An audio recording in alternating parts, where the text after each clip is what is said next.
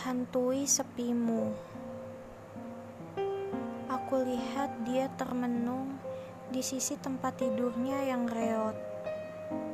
Memikirkan balada hidup yang tiada hentinya bersenandung pilu. Aku mohon, izinkan aku hantui sepimu yang berlumur rindu sendu. Mungkin tidak semua kegusaran bisa diungkapkan dengan geram dan tidak semua nestapa bisa ditangisi layaknya merayakan kematian. Karena setiap berkah percuma pun pantas disyukuri dengan hikmat. Begitupun denganmu. Para sayumu tak bosan-bosannya mengganggu ingatanku. Apalagi di kala malam mulai menjelang. Dukamu mengiris batinku Aku ingin menjadi bayangan yang kerap hantui sepimu, agar jiwamu berteman denganku, supaya sendiri itu menghancurkan bentuknya.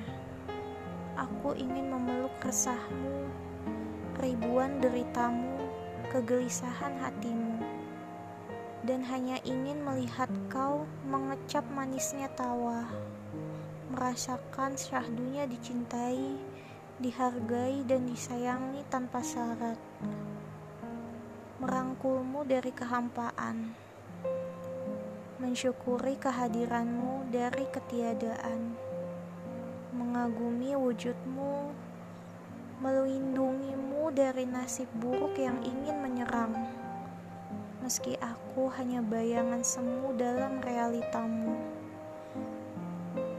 Berharap semua ini lebih dari cukup untukmu. Kau pernah bertanya padaku, apakah aku adalah hati nuranimu? Karena aku selalu kebingungan denganmu, sama seperti dirimu sendiri. Aku berkaca pada diriku sendiri, lalu berpikir untuk memberikan sesuatu untukmu sebuah perwakilan diriku, sebuah bayangan yang hadir, namun kau menghancurkannya.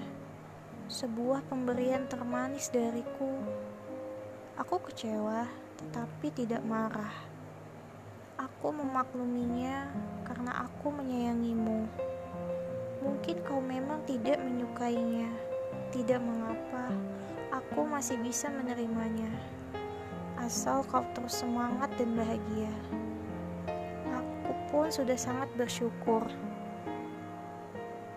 Kau juga pernah bilang kalau manusia lebih menakutkan daripada hantu. Kau benar, sayang. Aku takut pada diriku sendiri yang selalu jadi bayangan, menghantui sepimu yang sunyi senyap. Aku takut lupa menjadi manusia yang hadir dalam realitamu. Aku takut sekali.